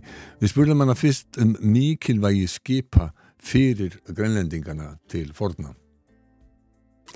Já, þetta var bara algjörlega lífs, lífsnauðsulegt faratæki. Bæði er, er mjög erfitt að komast bara á milli staða, þar sem bara landslag býður ekki upp á það. Þannig að allar svona grunnsamgöngur þurft að fara fram á bátum. En einnig til þess að abla, uh, til, til þess að veiða og svo náttúrulega til þess að abla efni við þar sem var svo út, megin útflutningsvara grænlendinga sem, sem dæmi uh, rostungar og, og rostungstennur. Þannig að í rauninni allur, nánast allur efnahagur grænlendinga byggist í rauninni á sjáanitjum og þá þurftu náttúrulega að hafa uh, almennilegan farkosti í bóði. Og voru það farkosti sem þið nótuðu innanlands getum við sagt eða nótuðu það allir samskipta við Íslandinga hugsanlega við Norður Ameríku? Já, þetta eru bara farkosti sem þið nótuðu náttúrulega bara bæði hérna sín á milli og svo náttúrulega í, í sagt, uh, í veiðistöðvarnar og bara sem dæmi þá eru fjarlæðignar til uh, veiðistöðun eru næstu því frá eistribygg til, uh, til norðursötu voru næstu því þúsund kilometrar þannig að þetta eru alveg gríðarlega vegalengdir sem þau þurft að komast á milli staða og, og svo náttúrulega líka siglingar til Norður Ameríku. Um, við erum ekki með mikið heimildum sem bendir til þess að grænlendingar hafi verið að sigla til Íslands en það er alveg heimildir um, um báta sem hafa til dæmis rekið uh, frá Grænlandi til Íslands en, en ég er náttúrulega ekkert ólíklegt að þeir hafi einni, uh, verið í, í samskiptum við okkur, okkur hér líka. Þannig við höfum ekki heimildir um regluleg samskipti Íslandinga og Grænlandinga á þessum tíma eftir að uh, eftir að Eiríkur Rauði fór með sitt fólk vestu til Grænlands um, skammu fyrir árið 1000. Jú, jú, jú, það eru alveg heimildir um, um það. Jú, jú, það eru alveg, en, en heimildirnar eru náttúrulega, vandamáli er náttúrulega að, að heimildirnar sem við erum að stýðast við eru flestar náttúrulega skrifar á Íslandi og út frá, út frá í rauninu okkar, uh, okkar um, þangagangi en ekki, ekki hugur heimi grænlendinga, þannig að við erum ekki með í rauninu það sjónarhótt. En, en jú, það eru alveg heimildir um um siglingar á milli Íslands og, og Grænlands og svo náttúrulega siglingar uh, á milli Noregs og Íslands og Grænlands.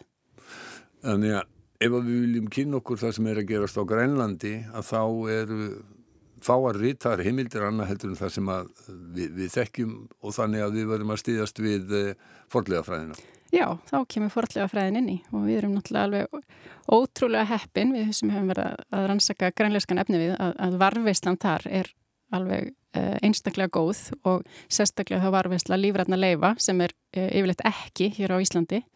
Er það út á kulda, þurka, þurki eða? Uh, já, bæði er það sérst, sífreri á Grænlandi sem er reyndar að breytast mjög orft núna því miður, þannig að við erum að, við erum að missa þessi, þessi söfn. Þannig að þetta er kapplöp við tíman? Þetta er algjört kapplöp við tíman eins og stendur. Mm. Það er bara... Hvaða aðra aðstæðir er það sem að gera það verkum að það, varðvitist betur þar? Uh, það er hérna, svo er það einnig, um, varfislega getur einnig átt sér stað í sagt, svona vassósa umhverfi, sagt, í svona mýrlendi sem dæmi, Já. þannig að það eru, það eru uh, slík svæður en, en til, en, en til dæmis ef við förum bara upp í Vesturbygg þá er, er ennþá sífriri, þannig að það er ennþá tækifæri, mm -hmm. en í Östurbygg þá er nánast ekkert eftir eins og staðan er í dag. Þá kannski rétt að útskýra fyrir hlustendum sem ekki eru með sögur norræna manna á Grænlandi, á miðuldum á Hraðbergi að uh, þetta voru tvær byggðir, það var Eistri byggð. Já, Eistri byggð sem er, uh, sem er samt sem áður á vestuströndinni, suðu vestuströndinni og uh, Vestri byggð sem er í rauninni í, í sest, fjörðunum þar sem höfuborg Grænlands er nú, þessast núk og það voru þessar, þessar tvær byggðir sem norrænumenn uh, settist á. Og uh, Eistribygð fjölmennari? Eistribygð var fjölmennari og það er talið að það hefur verið um 200 til 300 uh, bíli þar en rétt um 100 í Vestribygð. Og hvað er þetta margt fólki í allt? Uh, það er talið að svona þegar uh, hvað flestir byggu á Grænlandi þá hefur þetta ekki verið nema um 2500 manns. Og það já, hópur fólk sem er ekki fjölmennir en það, það býður já. upp á ymsar hættur bara svona genetist getur við sagt e, Já, og það er náttúrulega Uh, þannig bara eins og, eins og við þekkjum í rauninu okkar bændasamfélag hér þá er bara það, hérna svona grunnbúskapur er mjög mannaflsfrekur Já. Uh, en svo náttúrulega það sem grælendingar gerði líka þeir náttúrulega stunduðu, stunduðu sjóin þeir voru náttúrulega uh, miklar selaveiðar og svo náttúrulega aftur þessi, þessar, uh, þessar ferðir í veið, veiðstöðunar til þess að afla í rauninni efna til þess að uh, selja og uh, þínar niðurstöðu benda til þess að grænlendingar hafi verið sjálfum sér nógir með uh, timpur. Það Já. kemur dálítið óvart. Já, mínar, eh, ég er sagt eh, svona viðar sérfræðingur og hef verið að rannsaka bæði uh, viðarnýtingu hérna á Íslandi og svo, svo uh, doktorsverkefni mitt, það snýst bara um, um uh, bara grunnspurningin er hvaðan öflöðu grænlendingar timburs Mm og til þess að svara þessari grunnspurningu var náttúrulega bara að, að fara beint í efniviðin þannig að ég rannsaka þessast timburleifar frá fimm bæjastæðum um, og bæði er þetta sagt, uh, þetta er bæði sagt uh, húsatimpur, þetta eru gripir og svo tók ég einni fyrir svona efnivið sem er mjög sjaldan skoðar en það eru uh, litlar greinar og, og hérna hrís og sem var notaður sem til að einangra bæði golf og hérna og svo er bara hérna og svo var líka var þetta notað til þess að gefa, gefa dýrum uh, lauffæði Já. Þannig að ég tók í rauninni bara þetta allt saman. Mm. og þar sem ég gætt uh, skipt í rauninni ég skipti í rauninni öllum efniviðnum frá öllum bæjastæðnum í, í sérst tvö tímapill þannig að ég gætt bara borið saman sérst frá þá eru tímabilin sérst cirka frá uh, 1000 til 1300 og svo 1300 til 1400 og bara þannig ég geti séð hvort það væri þá einhver munur erum að sjá einhver, uh, einhver ummerkjum skort þá hérna melli 1300 og 1400 þá náttúrulega kemur hérna svarti döði inn og, og, og skipakomur verða náttúrulega mun stópulli uh, en, en það sem í rauninni kom mér mjög mikið á óvart er að að uh, grænlendingar voru bara algjörlega sjálfum sér nóir. Það er engin ummerki um skort. Uh, það er bara, þetta er mjög stabílt á milli, milli tímabila. Og nú vaks ekki miklu skóar á Grænlandi? Nei, það er ekki miklu skóar og maður er, hérna, þetta er náttúrulega aðalega bara mjög svipað á Íslandi. Það er bara ein tegund sem myndar skó og það er byrki og svo eru náttúrulega þessar tegundir svona flestar frekar litlar og krækluttar þannig að það, það nýtast náttúrulega ekki í, náttúrulega alls ekki í, í bátasmíðar og kannski í svona stórsmíðar eins og kannski var þörf á uh, ef við tökum til dæmis biskupsetrið sem er kannski haft svona meiri þörf heldur en önnur bæjastæði. Uh, en, en á, á hérna görðum biskupsetrinu það er rauninni eini staðurinn sem ég sé merki um innflytning og það var bara bara mjög afgerandi munur á milli uh, garda og svo hinna bæ, bæstæðina. Og uh, hvaða timpur var það sem var fluttin og hvaðan? Um, sko stæðstir hluti timbursins uh, sem var innfluttur til garda var í rauninni skóaföra sem hefur þá líklega komið frá Noregi Já. en það sem var einnig áhugavert að sjá að þarna er í rauninni fyrsta skipti sem við sjáum alveg sem við sjáum dæmi um sagt, timbur sem er að koma frá Ameríku og það sem er einnig uh, allan sem ég fannst mjög merkilegt er að þetta, að þetta innflytta timbur frá Ameríku er að koma sérst, á báðum tímabilum. Þetta er líka sérst, á setna tímabilinu, þarna millir 1300 og 1400. Þannig þetta bendir til þess að norræni menn á Grænlandi hafi haft samskipti við uh, fólk í Norður Ameríku. Já, eða allavega nýtt sér auðlendir í Ameríku alveg í gegnum alla alla búsiti sögu norrænamann á Grænlandi. Við hugsanlega haldið áfram uh, að sykla eins og uh, Leifur Hefni og Bjarni Herjórsson og Guðrið Þórmendóttir vestur og uh, fluttið timpur þaðan. Já. Og Þetta er ansi merkilega niðurstöður. Þetta er nefnilega bara mjög merkilega niðurstöður. Við erum náttúrulega með, uh, við erum með Lonsóks Meadows sem var náttúrulega í nótkunn á, á uh, 11. öld en það er ekkit mikið meira í nótkunn eftir það. En, en, en eins og segi, þessar niðurstöðu sína bara fram á, þeir voru að nýta sér þessar uh, auðlindir þarna og, og ég finn þess að uh, þetta er þess að förutegund sem ég finn þarna og hún alltaf vex aðeins sunnar en, en, en nýfundnaland þannig að, hérna, þannig að þeir voru að nýta sér uh, auðlindir þarna í töluvert langan tíma og hefðu emitt aftur bátakost til þess. Já, þannig að samkvæmt þessum rannsóknum að þá er ekkit annað, e- eina skýringin er svo að, já, langlíklegasta skýringin að grænlendingar hafi sjálfur silt og silt suður fyrir Nýja Sjáland, það sem að lands og með dósver Já. og uh, gert það á miðan að byggð norrætnamanna var til á Grænlandi. Já, þannig að þetta er ekki, einskorðast ekki við þetta, þetta tímabil sem við náttúrulega þekkjum úr sögunum og þannig að þeir nýttu þessar auðlindi mun lengur, lengur þannig að það er alveg stórmerkilegt og, og sýnir henni bara hversu um, hversu uh, hæft þetta fólk var og, og, gó- og gott siglingafólk og tæknin sem það bjó yfir allan þennan tíma. Það er enga skrifaðar heimildir uh, til um þetta. Ekki um þetta en það kemur fram í annál uh, frá 14. öld að það er uh, þar sérst stendur að, að marklandsfar hafi sérst rak til Íslands það er aftur kemur, kemur koma heimildina frá Íslands og það er náttúrulega bendið til þess að, að það er náttúrulega skip- sem hefur verið að sigla þá til marklands þannig að það er þessi eina heimild sem kemur hann inn í en, en svona, núna getum við bara sínt fram á það með bara óvíkjandi vísindilegum hætti að, að að þeir, þeir eru sildi þannig allan, allan þennan tíma. En það þarf ekki bara timbur til að eh, smíða báta á skip. Það þarf meira, það þarf uh, ja, ykkur defni í seglin, uh, það þarf uh, reypi, það þarf uh, já, væntanlega bátasöðum, nagla og annað. Hvaðan fengur grænlendinga þetta? Já, þeir hérna, þetta er nefnilega bátarsmiðar er ansi flókið fyrirbæri og, og þú þarft að nálgast efni við mjög víða. Og, og eins og með seglin þá voru þau náttúrulega aðalega úr ull og þá þarft að náttúrulega halda, halda hérna, hafa góðan flokk af kindum til þess og, og náttúrulega spinna og, og vefa. Og þeir eru náttúrulega voru alveg full færir um það og svo þarft að bera á, svo þarft að bera hérna á seglin líka þannig að það þýðir ekki að nota þau bara uh, sagt án bara hrein, þannig að þú ert að bera hérna, setja á því tjöru eða, eða, eða sellísi og þetta þarf að mitt líka að gera reglulega. Um, en svo þarftu játn og þá, þá lendum við í smá klandri og því að hérna, það er ekkert uh, vísbendingar, það er enga vísbendingar um það að grælendingar hafi getað framleitt sitt eigið játn, það er ekki, bara hreinlega ekki til mýrar, ja, mýrarauði í jarveginum þar. Þannig að þeir þurft að leita sér andra leiða. Og aftur þá kemur, koma hérna ryttuði heimildirnar að gagni. Og, en, en það eru mitt aftur heimildir um, um sagt, skip sem hafa rákuð til Íslands uh, sem voru annarkort með timbursaum eða, eða saumið með tágum þannig að, þannig að þeir taka sérstaklega eftir því hérna á Íslandi að þessi skip eru, þau eru greinlega svolítið spes.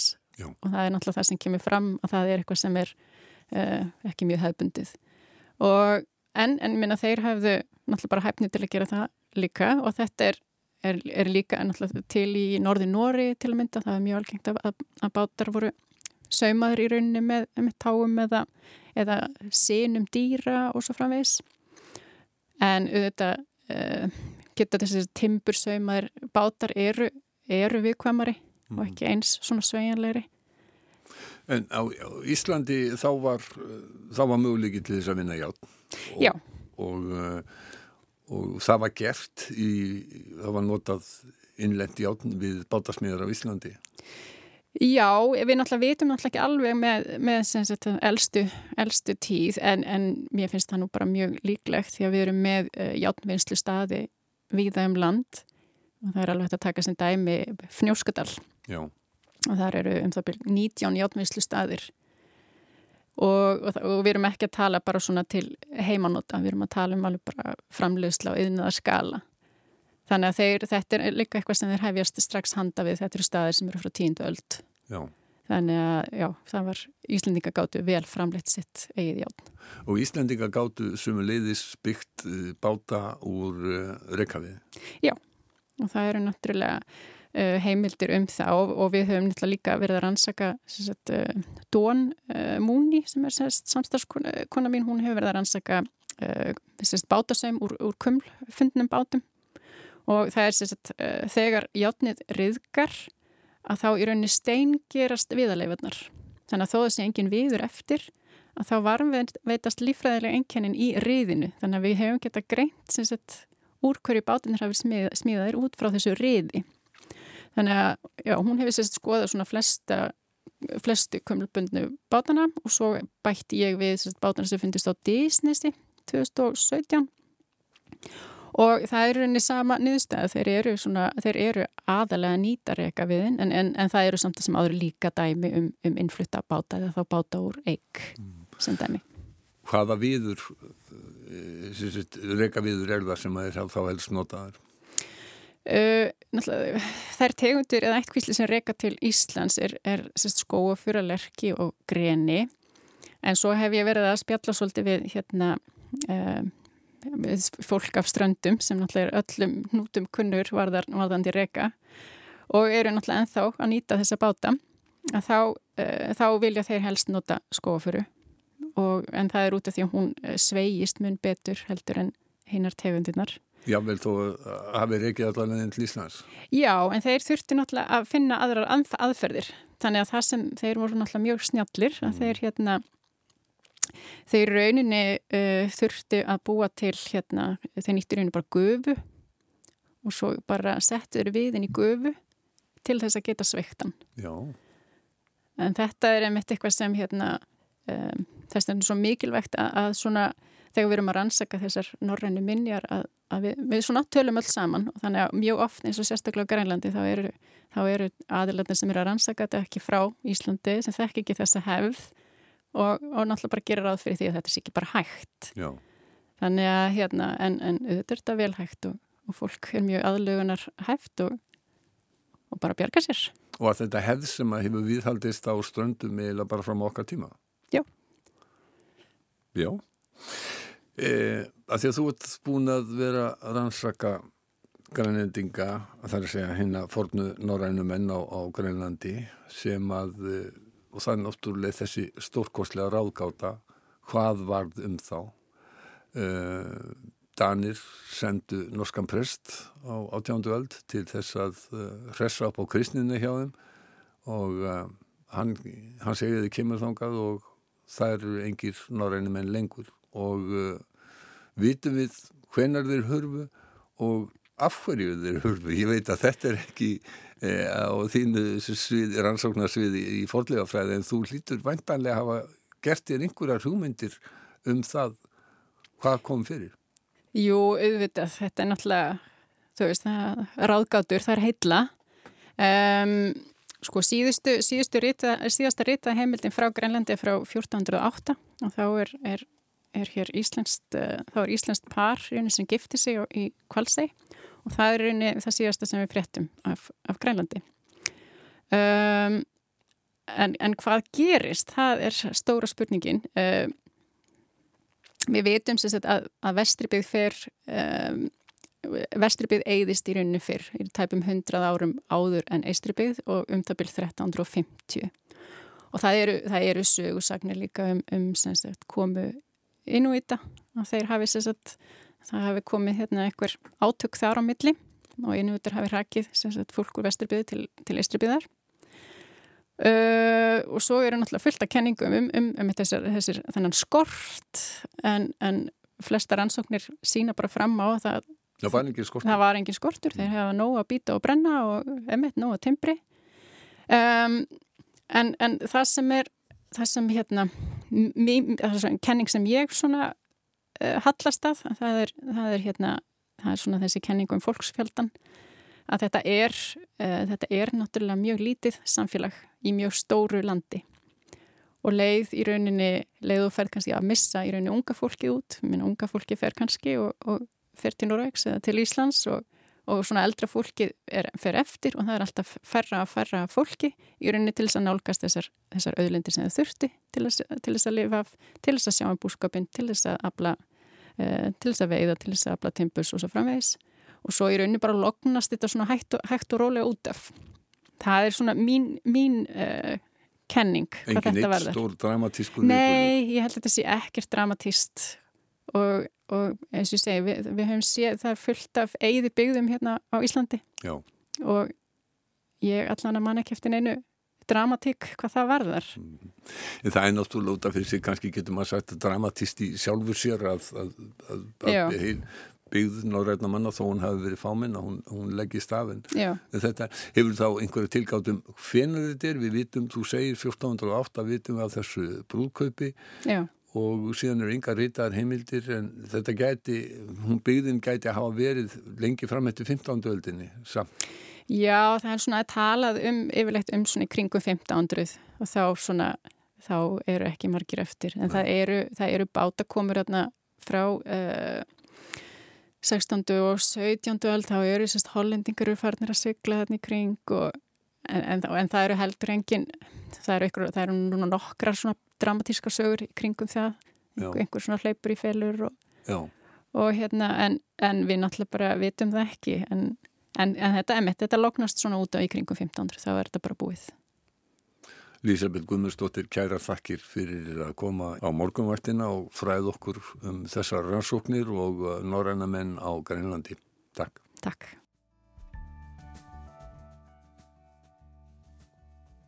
Þetta var uh, Lísabeth Guðmundsdóttir fotlegafræðingur sem hefur rannsakað skipakost norræna manna á uh, Grænlandi og uh, þetta var uh, síðasta sem að uh, við uh, fjöldum um á morgunvaktinni þennan morgunin. Já, ráðgátur heilla sagðun og uh, í fréttunum í morgun var sagt frá uh, nýri aukvötun uh, það hefur verið rýnt í myndir úr James Webb sjónakonum og það er gera það að verkum að nú er sagt að vísnamenn þurfum við að endurita söguna um upphaf alheimsins. Það er hvorki meira enn minna. Færað er hann lengra fram, var ekki talað um 13 miljardar ára, Jú, 13,8 held ég. 13,8 miljardar ára og uh, var þetta þá ennþá fyrr? Það verist vera. Bara gangið en vel, segjum við. Já, það eru sífelt nýjar uppgötvanir sumar merkilegri heldur en aðrar þessi lítur að teljast með þeim allra merkilegustu mér fannst afskaflega merkilegt það sem að Elisabeth var að tala um að uh, grænlendingar hinn í fornu, þar að segja norrænum minn á Grænlandi hefðu haft samband eða silt til Norður Ameríku eiginlega allan þann tíma sem að uh, byggð var, það er allavega ekki bara, þetta var ekki bara leifur hefni og uh, það læðist af eftir að hann og Bjarni Herjólfsson og, og Guðriði Þorbrennundóttir og, og, og þau öll voru í sínum uh, Amerikuferðum heldur, heldur þeir áfram og fóru sunnar heldur en uh, nýja uh, nýfundanland þar sem að Lanzo Meadows er sem er nú sá staður sem að við tærum að norræni menn hafi komið á í Norður Ameríku og það merkir hún einfallega af þeim viði sem að var fluttur sem að hvergið til í Evrópu en uh, fannst í, í görðum biskupsetrinu á Grænlandi. Þetta finnst mér merkilegt, ég hafði ekki heyrt um áður. Það er alltaf eitthvað. Það er alltaf eitthvað. En þessu er lokið eh, morgunvaktinni þennan morgunin klukkan alveg að verða nýju. Við hefum setið hér eh, Björn Þó Sigurbjörnsson og Bói Ágússon síðan fyrir klukkan 7 í morgun og uh, töluðu meðal annars um innrás rúsa í Úkrænu árliðið á morgun síðan þið byrjuðu að sprengja Ingólu Bjarni Sigfússon er stattur í kennugarði. Hann er þar að eh, vinna að efni fyrir sem að verða sínt í kveik á þriðutaskvöldið og uh, hann hefur sagt okkur eitt og annað af því hvað er að gerast þar. Við sáum líka í sjónvarsfrettum í gær frett frá Jóni Björgvinsinni sem að er á vikstöðunum einhver staðar í uh, austur Úkræninu, vikstöðunum sem hafa lítið hrifst uh, á síðustu vikum. Við þakkum samfélgina í dag. Takk.